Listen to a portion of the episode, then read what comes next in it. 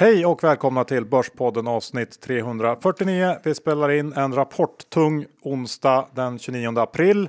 Och vi har med oss vår huvudsponsor som vi såklart ska tacka CMC Markets. Och direkt man signar upp sig som kund hos CMC så får man automatiskt deras morgonbrev som ger en koll på marknaden helt gratis. Vad mer John? Ja, man får ändå säga att det är fest i valutatradingsektorn. Nästan varje dag kommer det besked från världens olika riksbanker, vilket gör valutarörelserna större än vanligt. Valutahandel är ju, får man säga, tradingens Formula 1 och eh, är man intresserad av det här så är CMC en väldigt bra plattform eh, för de har många olika valutaspreadar att eh, välja mellan. Ja, och man ska inte heller glömma bort oljan där vi kanske har de största rörelserna på flera årtionden just nu. Ja, så ladda ner appen och se om det är något som passar dig. Och kom ihåg, det finns alltid risker med CFD-handel. Så är det. John, idag så blir det ju väldigt mycket rapporter igen såklart. Ja, det finns ju intressanta lägen och eh, det är ju en otroligt oklar period med tanke på hur aktiekurserna har gått innan och även eh, ja, svajigheten på marknaden. Vi är även denna vecka sponsrade av Fidelity International. Ja, och det är vi med stolthet. De har ju Peter Lynch som förgrundsfigur och han har ju verkligen plockat fram det här med stockpicking inom Fidelity. Så är det och det är ju lite intressant eftersom många av våra lyssnare framförallt är rena stockpickers och eh, vad skulle kunna få dem att gå över till någon av Fidelitys fonder? Ja, det har vi frågat Rickard som är här även denna vecka. Lyssna på hans svar här. Eh, först och främst vill jag säga att jag tycker alltid man ska spara och investera väldigt mycket själv i rena aktier. Det gör jag också. Eh, men som ett komplement till aktiesparande kan det vara ibland vissa marknader som kan vara svåra att komma åt eh, när det gäller direktägande i aktier. Och där kommer vi säkert komma in på senare, som jag kan lägga fram några exempel som just Kina och Asien där det inte är lika rätt att köpa bolag. Sen har vi stort intresse kring teknologifonder eh, som vi ser. Eh, även våra hållbarhetsfonder har ett stort intresse som vi ser just nu. Tack för det Rickard och kom ihåg att Fidelity tar inget ansvar för det som sägs i podden och investeringars värde och eventuella intäkter från dem kan både minska och öka och det kan hända att du inte får tillbaka det investerade kapitalet. Historisk avkastning är inte en tillförlitlig indikator för framtida resultat. Dessutom är det viktigt att läsa prospekt samt KIID-dokumentet och investeringar på tillväxtmarknader kan vara mer volatila än på andra mer utvecklade marknader. Johan, Dr. Bass, Isaksson, index står i 1568 och eh, vi får väl säga Greta Thunberg är supernöjd. Alla är arbetslösa, man kan inte resa någonstans och eh, det snöar när det ska vara sommar.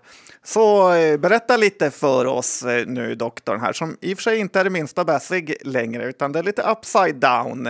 Hur ser läget ut på marknaden? Ja, men vi, vi har ju ändå tagit ett kliv uppåt den här veckan. Vi har ju harvat kring 1500 i några veckor, men nu närmar vi oss 1600. Och personligen börjar väl jag ändå känna att uppsidan känns ganska begränsad.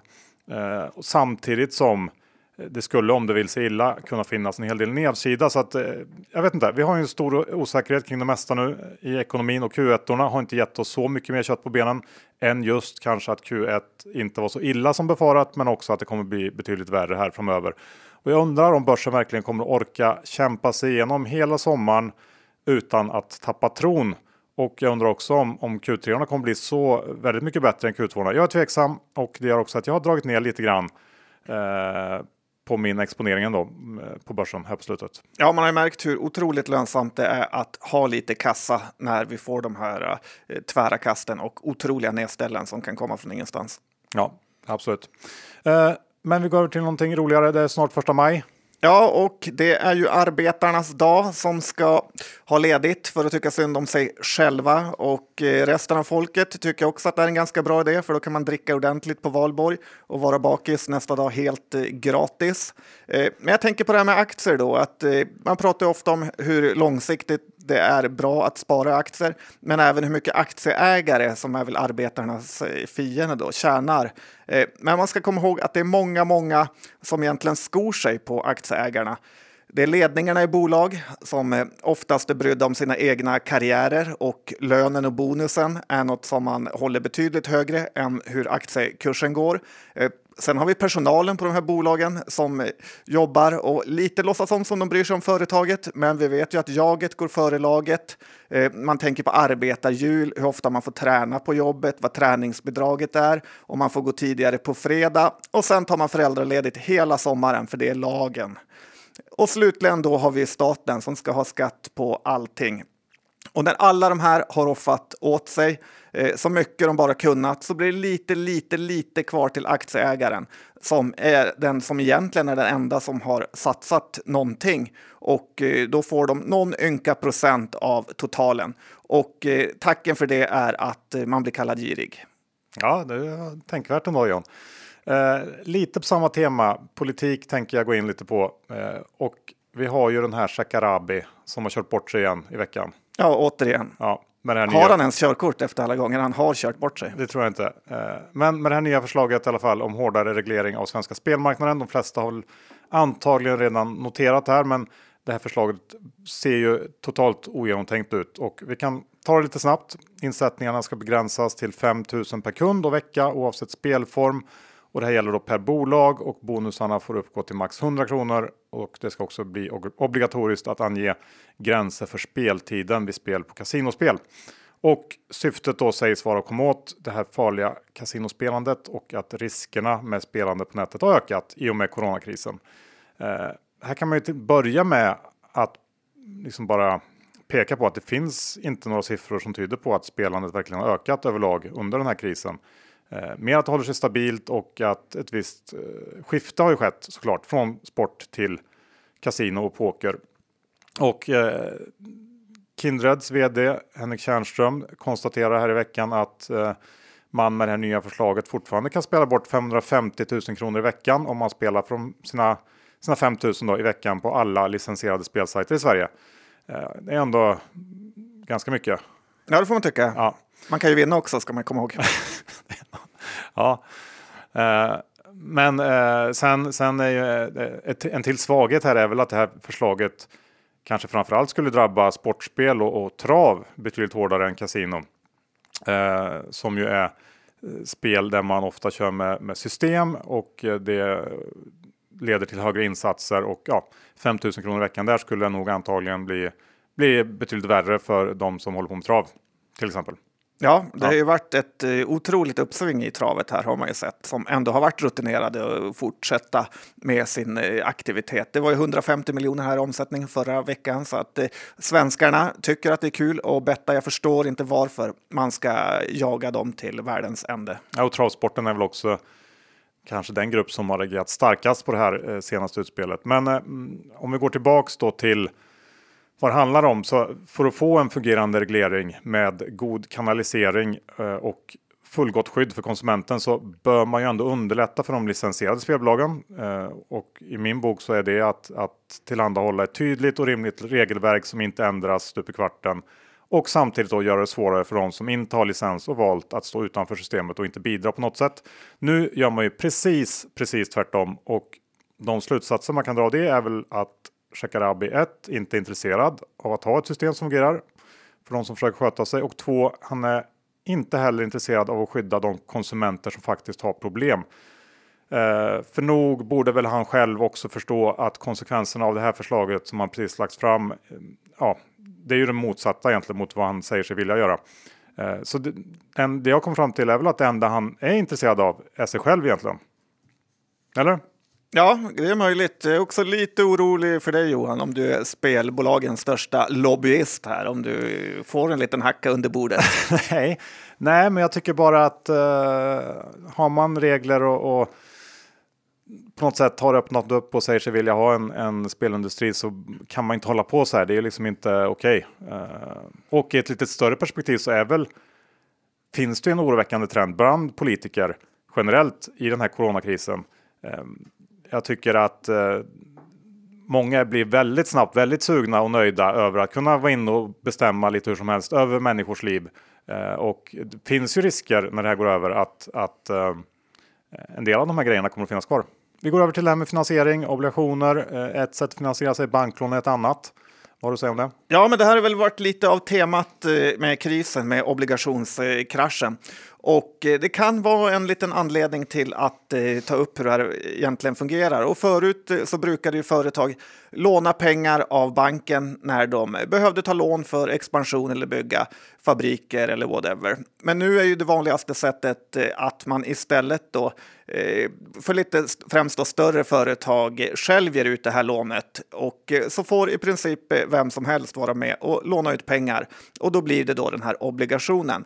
Fördelen med det här är ju att den är tidsbestämd så att om Volvo då ställer ut en obligation på fem år så får de låna de här pengarna garanterat i fem år. Medan om man lånar från banken då så kan banken vara lite mer eh, lynniga och eh, kräva tillbaka de här pengarna när företaget egentligen behöver dem som mest. Och eh, så här i orostider så tittar ju alltid marknaden på hur långa löptider som företagen har på sina obligationer. Och ju närmare lösen, datumet eh, man är, desto oroligare blir marknaden eftersom företaget ofta behöver låna nya pengar för att betala igen den gamla obligationen. Och eh, det är vad marknaden då kallar för att refinansiera. Eh, och det här är oftast rätt drivande aktiekursmässigt men när det är business as usual så brukar ingen bry sig om det här riktigt. Men så här i orostider så är sånt här väldigt, väldigt viktigt och eh, ofta får man själv veta det här i efterhand när aktien redan rasat och eh, dessutom eh, är det här liksom en av de stora anledningarna till att man ofta säger att räntemarknaden är smartare än aktiemarknaden. Så att det, det kan vara värt att hålla koll på för de som har eh, tiden, kunskapen och energin. Ja, Ilja var ju till exempel inne, eh, SBB, Ilja alltså, och eh, snabbt köpte tillbaks eh, de obligationer med kortast löptid som SBB hade utställda, vilket var en smart move tror jag. Ja, eh, det blåser lite hett för Ilja nu. Cervenka var ute och verkligen trasade sönder honom med någon typ av att han inte är Jesus-artikel här. Så att det, det är lite hetsk eh, stämning där ute, journalister mot företagsledare. Okej John, det är dags att gå igenom eh, en del av alla de rapporter som har kommit in. Jag tänkte börja med Saab. Vad säger du om det? Vad är det? Ja, det är lite eh, så här oroväckande att en kille med dagisutbildning har blivit eh, Börspoddens eh, försvarsanalytiker när man själv sitter som dekorerad krigsveteran från Kosovo. Men visst, jag kan ge dig ett slutbetyg på slutet. Ja, men det, vi kan vara en ganska bra, ett ganska bra team här och kanske på något sätt. Ja, kanske. Du kan säga om det som jag säger i teorin verkligen stämmer i praktiken. Ja. Mm. Bra. Nej, men jag tycker eh, ärligt att Saab kan kanske vara den mest misshandlade aktien på börsen just nu. Eh, och jag kommer tillbaka till varför. Men Q1 i alla fall, den kom ju in här i slutet av förra veckan. Eh, var bättre än väntat. Stark orderingång, starkt resultat. Bägge de punkterna var 13% över estimaten. Kassaflödet som ju varit en het liksom, potatis var minus 1,6 miljarder. Det var i linje med konsensus och ja, Saab upprepar eh, ambitionen här med att nå positivt kassaflöde för helåret. Och eh, det som många reagerar på var väl att Saab drog tillbaka sin outlook för helåret. Tidigare hade man sagt att man skulle nå en tillväxt på 5% och göra det med en förbättrad eh, ebit-marginal jämfört med förra året. Eh, och aktien tappar lite efter den här rapporten. Och jag har sett en del som pekar på, på just kassaflödet eh, och att man då drog tillbaka outlooken som eh, argument för det här att, att aktien eh, är svag. Men jag köper inte riktigt det. Kassaflödet har vi varit inne på tidigare.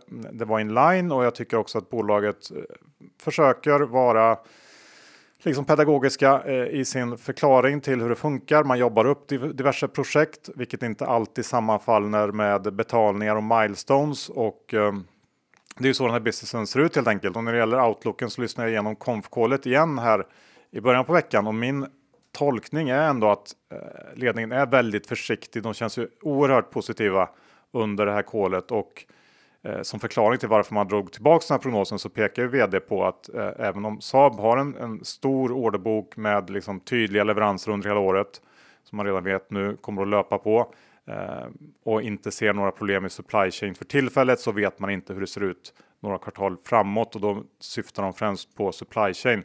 Det tycker jag känns oerhört försiktigt om jag jämför med många andra bolag så att eh, visst, det kan dyka upp något problem om något kvartal Eh, och därför drar man tillbaks outlooken. Men jag vet inte, det känns mer som en, en politiskt korrekt grej att göra i dessa tider tycker jag.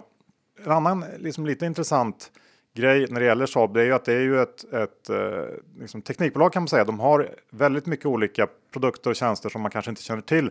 Under det här kolet så tog en analytiker upp eh, ett bolag som heter Vricon Eh, det är ett mjukvarubolag som Saab äger till 50% och det här bolaget levererar högupplösta 3D-kartor och tjänster kopplat till det. Um, rätt intressant faktiskt, man kan gå in och kolla på hemsidan. Um, under 2019 så har det här bolaget haft en explosiv tillväxt uh, och uh, förra året då så omsatte de ungefär 500 miljoner kronor och gjorde 230 miljoner i vinst. Och uh, bara Saabs del i det här lilla okända Vriken skulle ju ganska lätt kunna motivera 10% eller mer av nuvarande börsvärde. Ehm, så att jag, jag, tycker att det är bara ett exempel på eh, vilket liksom, fantastiskt teknikbolag Saab egentligen är. Men tillbaks till varför jag tror att aktien fortfarande är ner 30% i år. Eh, jag är övertygad om att det fortsatt handlar om de här ESG-flödena kombinerat med den här första AP-fondsomviktningen som vi pratat om tidigare. Eh, och det är ju sånt här som skapar lägen på börsen. Saab med sin långa eh, orderbok och liksom relativt goda visibilitet här framöver borde handlas betydligt högre än vad den gör idag. Det, det är P tal kring 12 och EV 10. Det tycker jag är ett fynd. Ehm, och estimaten är ju också faktiskt säkrare än i många andra bolag skulle jag säga. Även om det såklart kan hända saker. Men jag tror också att den här krisen kan gynna Saab i förlängningen. Jag köper inte alls det här att försvarsbudgeten kommer att minska och så vidare. Utan jag tror det kommer vara ett ökat fokus på beredskap, försvar, eh, sånt. Jag tror även att till exempel Gripen skulle kunna vara eh, gynnad av det här som ju är Eh, ett lite budgetval eh, för eh, länder som vill ha en, en, eh, ja, en prisvärd lösning när det gäller sitt, eh, sitt flyg.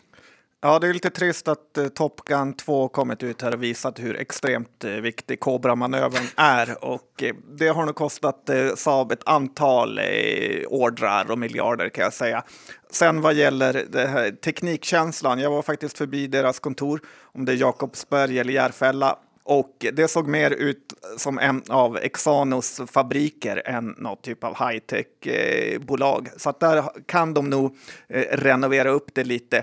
Eh, men i stort så håller jag med. Jag tror att Saab är ett jättebra köp och också att de kan ha drabbats lite av de här äh, allmänna negativiteten inom flygsektorn som de egentligen inte har så mycket att göra med. Men äh, MTU i Tyskland, Airbus i Frankrike och så Boeing i USA har ju gått väldigt, väldigt dåligt på börsen och att det här i någon typ av sektor negativitet har följt med. Men Saab aktien lever ju lite sitt egna liv och jag tror precis som du att det kan vara ett bra läge att kliva in och det har gjort också. Ja, men förr eller senare så tar de här flödena slut det känns som att vi har sett det hända till exempel i spelsektorn här på slutet. Det har ju lett till ganska rejäla uppstudsar för många bolag egentligen i den här sektorn kan man säga. Så jag, jag, tror att det kommer hända förr eller senare för Saab också.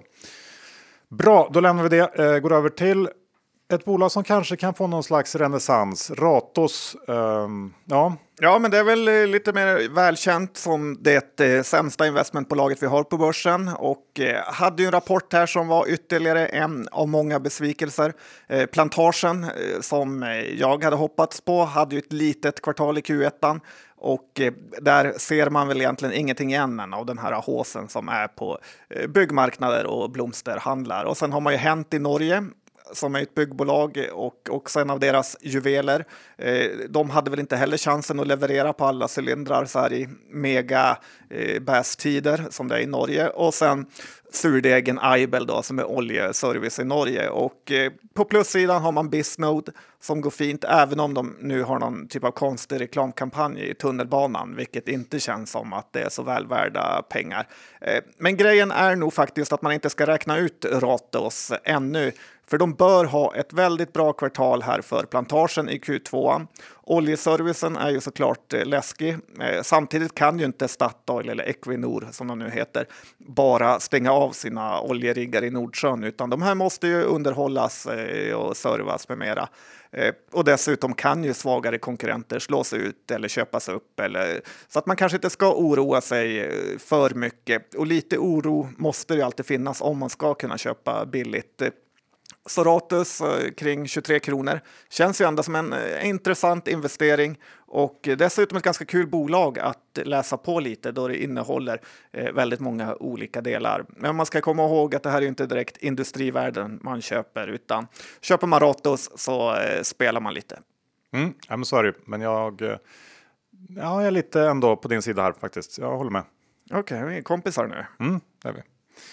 Ett tag till i alla fall. Eh, ska vi ta Eh, ett konsultbolag som kom in idag med en riktigt fin rapport. Fikabolaget Prevas. Ja, de som fikar mest på Instagram i hela Sverige. Och eh, jag vet inte om det är någon fler som har märkt det, men den på Avanza som handlar Prevas måste ju lida av någon psykisk sjukdom eller tro att börsen är någon typ av eh, strategispel där man flyttar brickor lite fram och tillbaka. Det är bland de konstigaste rörelserna jag sett på många år. Först köra upp aktien till 44, sen själv mosa aktien ner till 19 kronor och sen på tre dagar i princip dra upp den till eh, 34-35 Eh, eller vad den står i just nu under rapporthandeln eh, här. Eh, jag tycker att det är en lärdom för alla att börsen består av människor och man ska aldrig, aldrig underskatta lynnigheten. Rapporten idag då var ju en klar succé. Prevas tjänar 1,65 i Q1 och då stod ju aktien i 19 kronor här för ett litet tag sedan bara.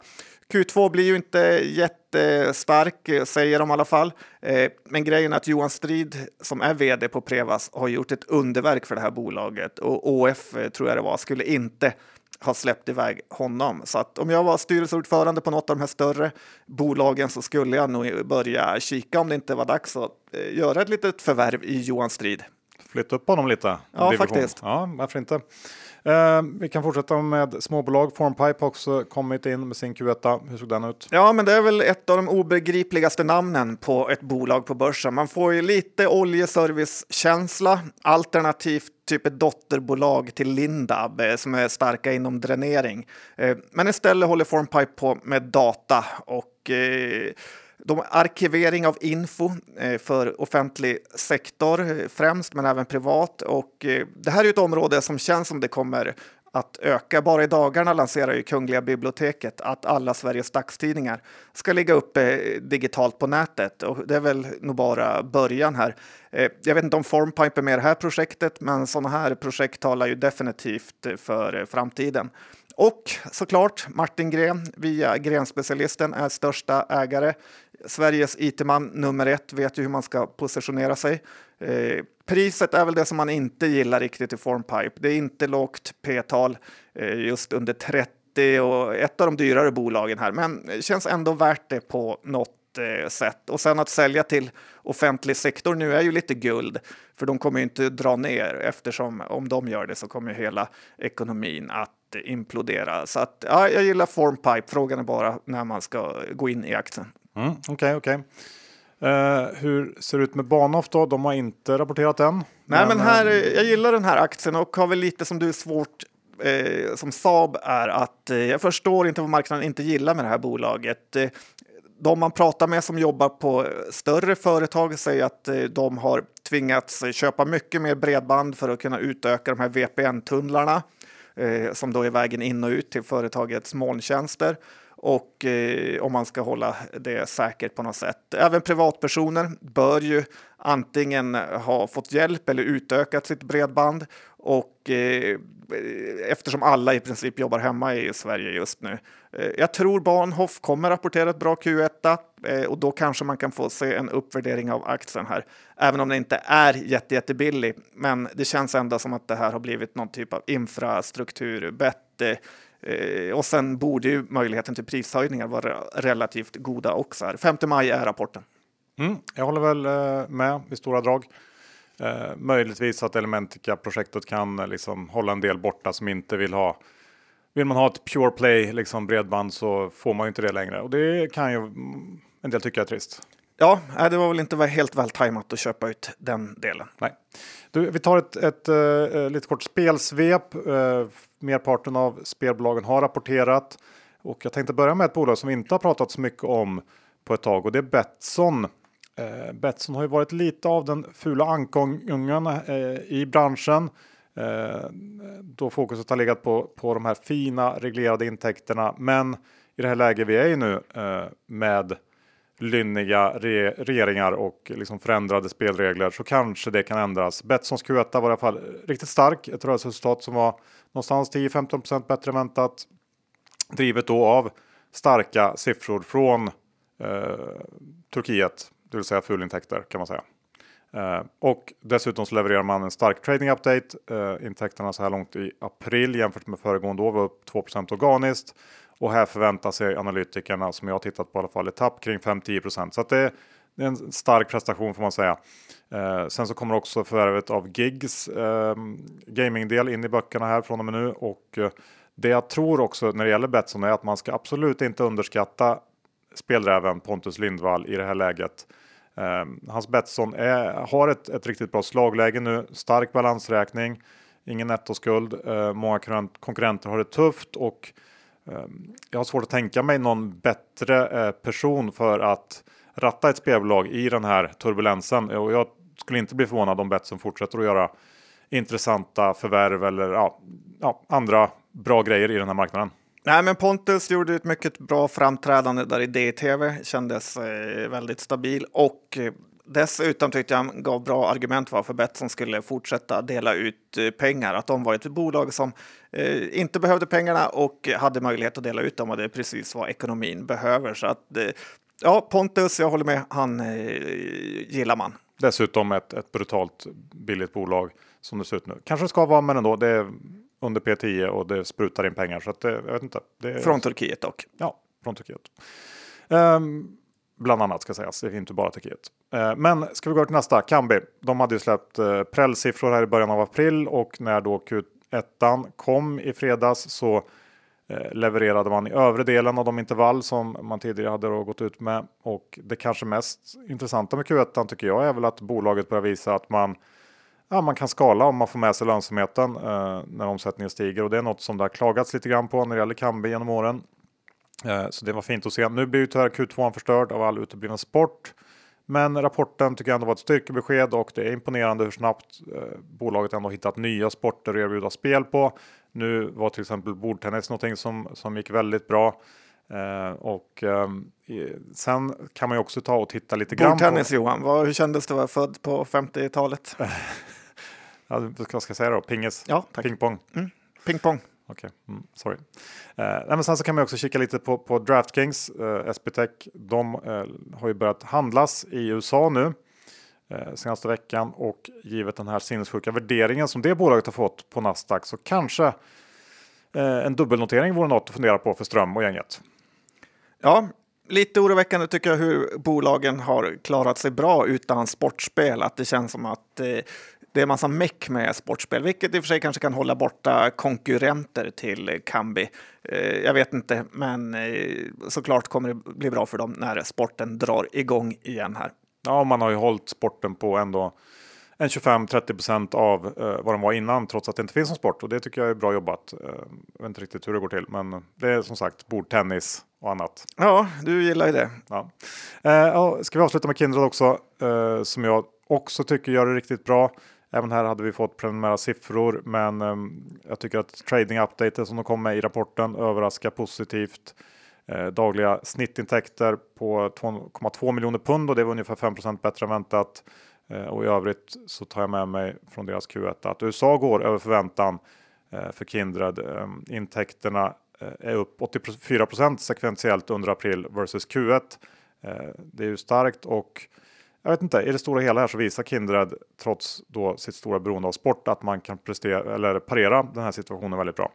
Ja, Henrik Tjärnström har ju verkligen visat framfötterna, dels med sitt stora ägande som vd, men även hur Eh, Kindred har lyckats ta sig ur den här krisen. Yes.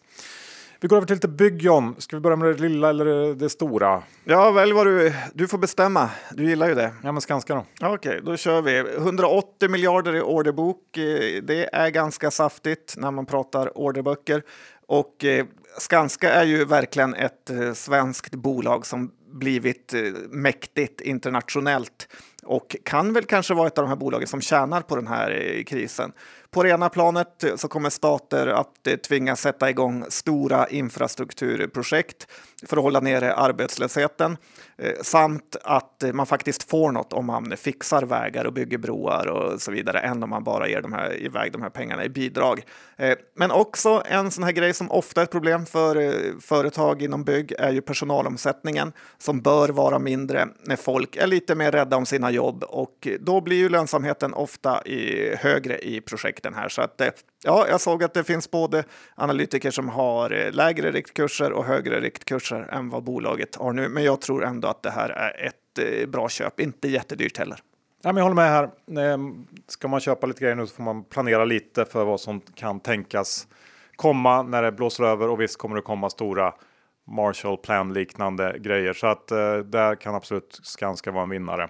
Vägen till Åre som så populärt måste fixas till. Bromma till år, även Bromma in till stan behöver fixas. Eh, och man får ju gärna leda om eh, alla från Ekerö så att de åker en annan väg in till stan. Ja, men det är på väg. Bra, tack. Eh, Svedbergs, Ja, här har vi ju också ett av bolagen som har Sveriges eh, sämsta ägare i Stena. Och eh, det är såklart negativt. Eh, det är ju den här inverterade Kobe-auran man får på köpet. Eh, jag funderar ju lite på ändå om Svedbergs kanske kan vara ett av de här bolagen som ändå gynnas lite av krisen här. Då de har nästan all försäljning i Sverige. Dessutom stor del av sina produkter säljs på ställen som Bauhaus och liknande byggvaruhus här. Så att eh, deras nätförsäljning kan också öka, känner jag. Eh, Man har ju... hur känner du? ja, men jag har så känsliga spröt, Johan. Ja. Eh, Men Svedbergs kanske inte är det här eh, grejerna du köper om du renoverar 150 kvaddar på Östermalm. Men de här vanliga människorna som bor i ett radhusområde i liksom, Umeå kanske? Ja, Åkersberga, Arvik, äh, Arvika, man har inte råd med det. Men eh, så är det här en överkomlig peng. Man kan köpa deras grejer för lite hemmafix. Det är P-tal till 10, hyfsad balansräkning. Jag har köpt lite aktier här som jag får se vad jag gör av med. Eh, jag känner väl att uppsidan kanske är lite högre än nedsidan. Eh, ja, Mm, men Kommer- inte så stor ändå kanske? nej, Nej, det är P10 och det kanske kan vara 11-12 ja. ungefär. Ja, men lite så här. Får vi se hur de drabbas med. Man är ju ändå orolig att det ska gå jättedåligt för dem och det kanske inte behöver göra. Nej, jag håller med. Ehm, Volvo tänkte jag ändå eh, säga några ord om. Måste ju ta de största bolagen också.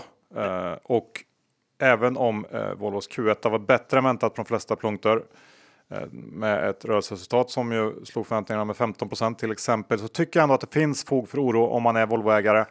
Eh, Q2 och eh, jag tror också Q3 kommer bli ganska brutala kvartal. Volvo flaggar ju för en 75 i nedgång i orderintag i mars versus februari och att orderingången sen varit negativ sen slutet av mars. Och det är ju liksom finanskrisrubriker som man kanske ändå inte trodde att man skulle få uppleva igen. Ehm, sen ska man också komma ihåg att utnyttjandet av i alla fall den europeiska flottan eh, av lastbilar är ner med 20% Det kommer att påverka serviceaffären längre fram. Och eh, Volvo kommer inte att kunna parera eh, den här, det här stora omsättningstappet som kommer med eh, motsvarande kostnadsbesparingar. För det går för snabbt, tror jag i alla fall. Eh, Volvo har ju fått en del kritik för att man till slut valde att hålla igen med utdelningen. Men eh, i det här fallet så tror jag faktiskt att det var ett riktigt beslut. De här pengar, pengarna kommer behövas i bolaget. Eh, lyssnar man på Martin Lundstedt efter rapporten så tyckte jag att han kändes rätt skakad ändå. Han såg inte tuff ut. Hade kanske varit en hård utekväll innan. Kanske, men eh, tror det mer hade att göra med siffrorna. Det, men det ser, jag tycker att det ser lite för läskigt ut för Volvo faktiskt. Ehm, och när vi ändå är inne på fordon så tänkte jag också dra eh, Veoneer som vi hade uppe som en studskandidat för ja, tre veckor sedan kanske. Eh, när den stod runt 60 kronor och den har verkligen levererat en studs. Nu efter rapporten handlas den i hundralappen och då kan man fråga sig vad som har hänt där. Eh, Ja, det är väl inte så mycket egentligen. Den eh, Q1 kom in som väntat. Eh, De har en kassa på 970 miljoner dollar och det är såklart kanske den viktigaste punkten. Men det var ju också exakt det besked man fick när Veoneer i slutet av mars kom med en sån här covid-uppdatering. Eh, Då köpte vi aktier, men det hände inte så mycket just då. Eh, Hur som helst, eh, Och så sålde vi dem jättemycket billigare. Ja, ungefär så. Ingen bra affär. Men, men så är det. Nej, men det man också ska kanske väga in här att Veoneer har varit snabba nu med att kapa kostnader och kassaflödet kommer att förbättras ganska rejält framöver och det bidrar såklart till att minska oron för en, en eventuell framtida nyemission. Och en, en grej till som jag tänker på när det gäller och det gäller kanske bilindustrin stort, det är att givet hur enormt stor den här sektorn är och hur många arbetstillfällen den erbjuder så kommer det att komma eh, enorma stödpaket för att kicka igång eh, bilförsäljningen eh, igen framöver. Och det gör väl också att man kan nog räkna med att, att vi kan få en, en liksom snabbstart eh, när allt kommer igång igen.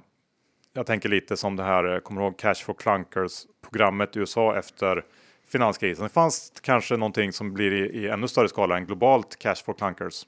Ja, det vore bra. Kan man köpa en ny bil? Ja. Blir Per H Börjesson nöjd. Kommer ju säkert också driv, liksom, eh, inriktas så att man ska köpa elbilar eller liknande. Men, men det- kommer att driva på tror jag. Så att eh, det finns inte bara nattsvart i den industrin. Nej, mörkt. Ja, ljusmörkt. Slut på avsnitt 349. Det var ett bra avsnitt tycker jag. Ja, men det hoppas jag att ni där ute också tycker. Det är tråkigt om bara vi två tycker det. Men, men. Två som är nöjda i alla fall. Ja, bättre än inga. Eh, vi ska tacka CMC Markets, vår huvudsponsor. Ja, ladda ner appen. Den är väldigt bra. Det är kul att kolla på valutaspreadar och eh, index och allting som man kan trada där. Ja, aktier också. såklart. Mm. Och eh, tack till Fidelity International. Gå in och kika på någon av deras fonder. De har ett stort utbud. Ja, du kommer åt marknader du annars inte gör. Ja, och få lite Peter Lynch-anda på köpet. Ja, det är värt något. Eh, hur är det med innehav den här veckan? Det ska vi inte glömma bort. Eh, jag har Saab, jag har Kambi, ja, jag har ju till och med Kindred och Betsson också. Eh, så är det. Du då? Du får snart inte heta Dr. Bass längre. Ja, jag har lite Betsson, jag har lite Kindred, jag har lite Kambi, jag har Bahnhof Svedberg. Så så att, eh, Saab då? ja, Saab med. Så att, eh, ja, man börjar tycka börsen är kul igen. Hoppas att de kan gå upp med. Dags att det går ner nu då snart. Eller? Ja, det brukar vara så. Ja. Tack för att ni lyssnade. Vi hörs om en vecka. Det gör vi. Hej då!